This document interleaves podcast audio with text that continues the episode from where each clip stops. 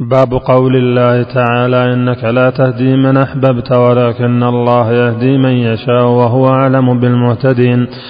وفي الصحيح عن ابن المسيب عن أبيه قال لما حضرت أبا طالب الوفاة جاءه رسول الله صلى الله عليه وسلم وعنده عبد الله بن أبي أمية وأبو جهل فقال له يا عم قل لا إله إلا الله. فقال له يا عم قل لا إله إلا الله كلمة أحاج لك بها عند الله. فقال له أترغب عن ملة عبد المطلب؟ فأعاد عليه النبي صلى الله عليه وسلم فأعاد. فكان آخر ما قاله على ملة عبد المطلب وأبى أن يقول لا إله إلا الله. فقال النبي صلى الله عليه وسلم لا أستغفرن لك ما لم أنه ما لم أنه عنك فأنزل الله عز وجل ما كان للنبي والذين آمنوا أن يستغفروا للمشركين.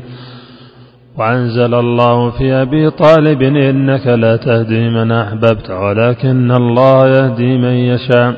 فيه مسائل الأولى تفسير إنك لا تهدي من أحببت ولكن الله يهدي من يشاء. الثانية تفسير قوله تعالى ما كان للنبي والذين آمنوا أن يستغفروا للمشركين ولو كانوا أولي قربى من بعد ما تبين لهم أنهم أصحاب الجحيم.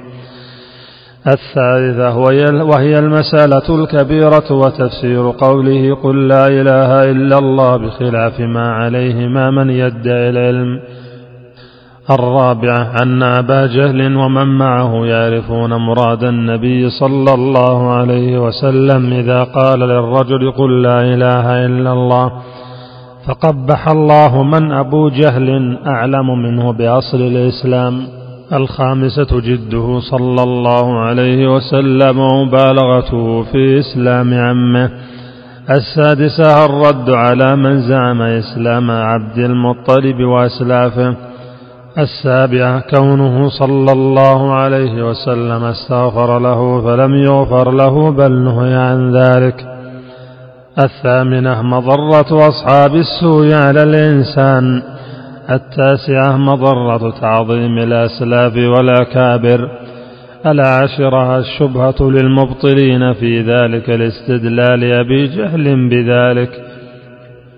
الحادية عشرة الشاهد لكون الأمال بالخواتيم لأنه لو قالها لنفعت. الثانية عشرة التأمل في كبر هذه الشبهة في قلوب الضالين. لأن في القصة أنهم لم يجادلوه إلا بها.